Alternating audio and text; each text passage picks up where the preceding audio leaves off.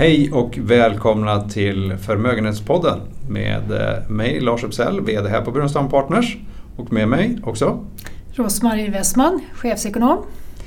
Du Rosmarie, vad kommer vi prata om idag? Lite Corona kan jag tänka mig. Ja, det kommer vi inte undan och eh, vi kommer ju prata lite grann om det här med krismedvetandet i befolkningen och eh, skillnaden också mellan USA och Europa vid åtgärder. Ja, idag är det ju torsdag, det är den 2 april och det är ganska exakt två veckor sedan vi gjorde då, eller det är exakt två veckor sedan vi satt här och gjorde en extra podd. Vi brukar ju sitta en gång i månaden ungefär du och jag. Eh, och eh, om man börjar så här, hur känner du idag eh, kontra hur du kände för två veckor sedan? Ja, jag tycker att det har blivit lite bättre i Europa. Eh, vi har eh, en stabilisering i Italien nästan en nedgång där och vi har en början till en stabilisering i Spanien. Och det är två väldigt positiva saker för Europa. Och när det gäller de övriga länderna som Frankrike och Tyskland så ser det också ganska bra ut. Framförallt i Tyskland som har väldigt få dödstal. Ehm, I England är det lite mer fart på, på uppsidan då. De kommer in i det här lite senare. Sverige som gör lite andra åtgärder än övriga Europa får man väl lov att säga. Vi har en annan regim där vi inte har varit riktigt lika stränga. Speciellt, vi har inte stängt skolor och annat. Ehm, där har vi kanske också någonting, eh, någon form av stabilisering de närmsta veckorna framför oss. Men det går inte att se lika tydligt.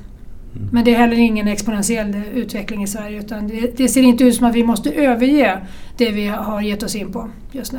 Men myndigheterna försöker skapa någon slags krismedvetenhet hos befolkningen. Det gäller väl i alla länder och även i Sverige. Men hur fungerar det tycker du? Ja, jag ser väldigt tydligt att man gör det nu. Vi har inte varit vana vid det i USA utan tvärtom så hade vi ju, när vi hade lite bättre humör i marknaden förra veckan, vi hade flera dagar på raken med uppgång och vi tog oss upp tror jag 10-12 procent sånt där från botten. Eh, då byggde det ganska mycket på att, eh, att president Trump där borta var positiv och pratade om att öppna upp igen och så vidare. Det var lite väl optimistiskt men det påverkade i alla fall eh, marknaden. Eh, hur det blir framåt nu, då har vi sett att en omsvängning i USA. Eh, de har ett helt annat budskap nu så tillvida att de är mycket, mycket mer negativa och de har till och med sagt att de förväntar sig att det kan bli 100 till 240 000 dödsoffer i USA. Och det är klart att det är väldigt skrämmande att lyfta fram en sån siffra och ingen vet ju så jag vet inte riktigt vad det tjänar. Jag, jag tolkar det som att man vill ingjuta mer krismedvetande i USA. Eh, och jag tycker jag ser lite av samma, inte skrämselpropaganda i Sverige men jag tror vi har en väldigt stor helg framför oss som, som är internationell påskhelg eh, som berör många miljarder människor och eh, eh det kan vara så att eh, att man behöver helt enkelt inför den här eh, storhelgen då eh, hålla det här krismedvetandet ganska högt och att man ser att det kulminerar nu kanske i flera marknader då under april och då är det viktigt att man inte släpper eh, på åtgärderna och att, det, att människor gör eh, sociala aktiviteter på den här storhelgen. Så det, det kan finnas ett, eh, ett bra syfte med det. Mm. Eh, för ja, den extra podden vi gjorde då för två veckor sedan så pratade vi ganska mycket om, vi refererade till Kerstin Hessius, du hade själv samma uppfattning då att den här nedstängningen som man gör, att det inte finns någon bortre gräns för hur länge det kan vara nedstängt var liksom den stora osäkerheten både för entreprenörer naturligtvis men också för marknaden eh, när det gäller då aktiekurser, hur ska man värdera bolag. Eh, du trodde då att det var kanske att vi skulle nedstängt tre, fyra veckor och att det var, ja, du poängterar också att det var väldigt viktigt att få, få den här gränsen. Vad, vad, vad, tror du om den idag? Har du ändrat uppfattning på något sätt? Ja, jag tror att, vi, att de värsta veckorna är nu i april. Eh, så att, där har jag inte ändrat uppfattning. Eh, men den här nedstängningen på tre, fyra veckor som då skulle täcka de här värsta veckorna. Jag tror att man kommer förlänga den för att vara på säkra sidan. Så därför tror jag att man nog kan räkna med att maj också är mer eller mindre en eh, förlorad månad. Eh, kanske att man kan börja släppa på lite grann i slutet på maj men, men eh, där har jag nog fått ändra mig lite grann. Att det blir ett successivt påsläpp. Det blir inte lika eh, ska man säga, binärt som det var i Kina där man stängde mer och kunde släppa på mer kraftfullt direkt efter det. Alltså det blir ett annat förlopp helt enkelt i Europa som blir lite mer, lite mer utdraget.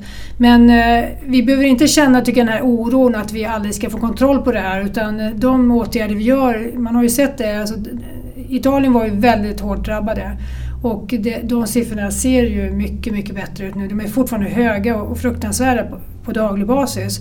Men om man tittar på det rent statistiskt så har ju tillväxten i fall och dödlighet har ju minskat nu den sista veckan här och eh, det är, eh, ja, det är goda nyheter helt enkelt för att hur, hur man får eh, hur man får bukt med detta och att det finns ett alternativ till det som Kina gjorde. Det är väl den osäkerheten man hade för kanske några veckor sedan. Det var ju att hjälper detta? Vad, vad kommer vi överhuvudtaget få kontroll på det här? Men, men och du menar jag, det Kina gjorde var att man gick ut väldigt hårt. Då. Vi har sett bilder där mm. man svetsar igen dörrar och sådana mm. saker. Att mm. Vi har inte gjort det i Europa. Mm. Eh, och framförallt inte i Sverige då som har en, eh, lämnar betydligt mer ansvar till medborgarna. Det har ju också med immunitet att göra och jag tror att Sverige har tänkt väldigt mycket i de termerna. I många länder tänkte så initialt men fick överge det. Men, men vi, det är ju väldigt bra att, att eh, en viss del av befolkningen faktiskt blir smittade. Även om man inte säger det rakt ut så är det bättre när det kommer tillbaka sen att vi har en viss immunitet. Ja. Och det kommer Sverige få. Så att det troliga scenariot är att vi har en successiv, man, man släpper en restriktion i taget lite grann för att gå tillbaka till någon slags verklighet. Man test, testar Ja, man testar precis. Vi har gjort successivt nedstängning och vi kommer göra successiv öppning. Ja. Eh, skillnaden mellan ja, utvecklingen i Kina och Europa har varit ganska stor. Eh, men också mellan Europa och USA som eh, vi tittar mycket på nu. Eh, vad, vad beror den skillnaden på?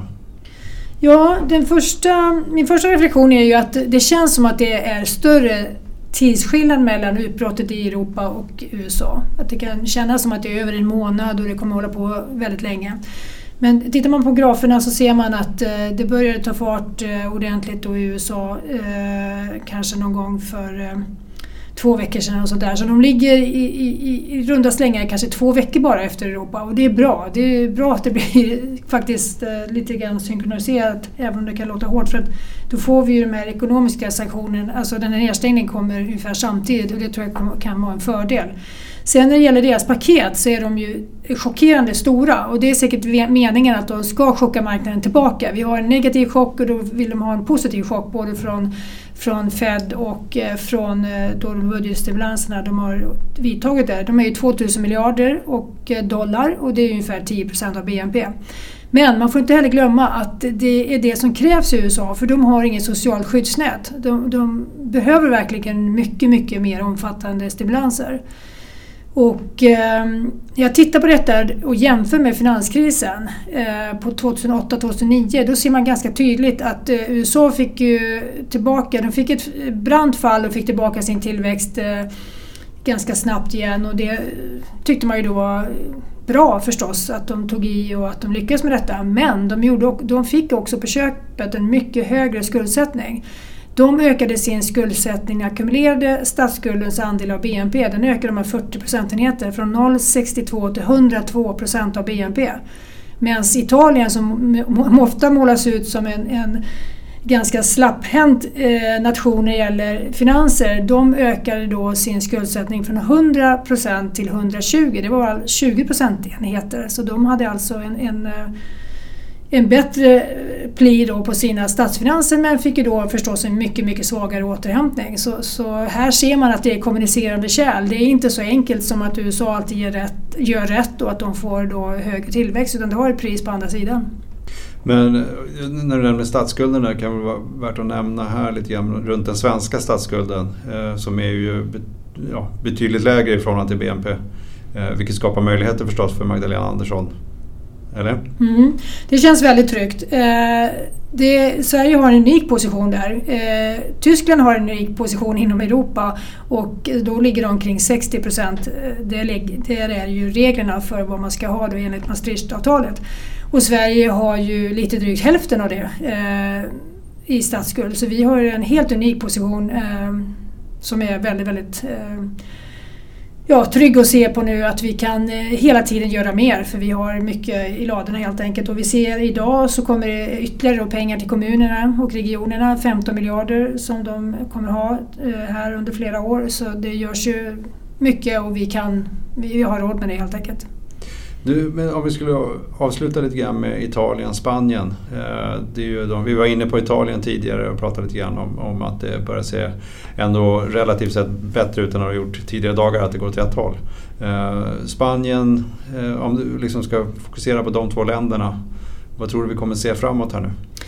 Ja, det är ju väldigt svårbedömt. Eh, de har ju stängt ner väldigt mycket nu men eh, ju mer explosivt utbrott man har ju, så kanske det är så trots allt att det ändå i sammantaget blir kortare än för de länder som gör det mer utdraget. Det vet vi inte ännu. Men det är inte självskrivet tycker jag att de, att de länderna som har haft det här lite mer snabba förloppet att det är de som ekonomiskt kommer som blir mest utsatta. Det vet vi inte förrän efteråt. Och, ehm, vad man kan säga mer är väl att vi har förtroendet i marknaden för att euroområdet håller samman. Eh, vi ser inga alltså, spreadar som man säger då, alltså eh, skillnader mellan företagsobligationer och statsobligationer för svagare länder relativt andra starkare länders statsobligationsräntor och nivåer. Det har inte ökat eh, utan det ligger stabilt och det är ett tecken då på att ja, att, att, man har förtroende helt enkelt. Och eh, ECB har också fått möjlighet att köpa då, eh, företagsobligationer så det hjälper också. Det hjälper hela kreditmarknaden, det hjälper de papperna mest som de köper naturligtvis men det hjälper hela kreditmarknaden. Så att det, det, har, det har kunnat stabiliseras det som skulle kunna bli en finansiell kris av det här abrupta fallet då i, i eh, i vår ekonomisk, ekonomiska aktivitet och hur, hur, människor agerar och är bara hemma och vi får ett så plötsligt stopp i ekonomin så, så tycker jag det ser ut som att det räcker för tillfället men, men eh, det kan tillkomma andra faktorer senare men, men, man har lärt sig ganska mycket av finanskrisen skulle jag säga. Man visste väldigt, ganska väl vad man skulle göra. Och i det här fallet, det nämnde vi förra gången också, så har vi inte någon bankkris då. Eh, vi börjar inte med en bankkris och det, det underlättar. Nej, bankerna verkar lugna och det finns det skäl till? Ja, eh, jag tycker att det verkar som att de har på fötterna den här gången. De har ju varit i en kontinuerlig konsolideringsfas, inte minst nere i Europa. Där man hela tiden har jobbat ner då andelen dåliga lån. En del italienska banker har sålt av lånestockar bland annat till Intrum Justitia i Sverige och så vidare. De har, de har kommit ner ordentligt. Och, eh, så vi har, på det sättet har vi tur med tajmingen. Att inte det här kom ett år efter statsskuldskrisen 2011. Då hade vi verkligen varit nere på knäna. Eh, men nu har vi hunnit konsolidera banksektorn och det har, det har pågått sedan 2011. Så det är en ganska lång period. Och i Sverige har man visserligen lånat ut lite mer men inte någon, det har inte varit några excesser och vi har ju haft en hög tillväxt i bolåneskulder men vi fick också amorteringskravet som då eh, bromsade lite grann den tillväxten eh, vi hade här i Sverige. Så det, det, är inte en känsla av att vi har en stor eh, utlåningsbubbla som vi har ägnat åt oss de sista åren utan eh, det finns eh, eh, Ja, det finns bättre motståndskraft helt enkelt till att börja med. Det är ett, ett stabilt system initialt. Jag tänkte vi skulle avsluta, det kanske vi är lite tjatiga på, men lite grann hur man ska tänka som investerare så här på slutet. Eh, jag antar att vi kommer, nu ser man ju när, när börsen rör sig 2-3% om dagen så tycker man det är ganska lugna dagar. Eh, vilket kanske inte har varit normalfallet eh, tidigare om man blickar tillbaka några år. Men, men, hur ska man tänka nu? Det är ganska lätt tycker jag att bli, man kan bli lite kortsiktig. Mm.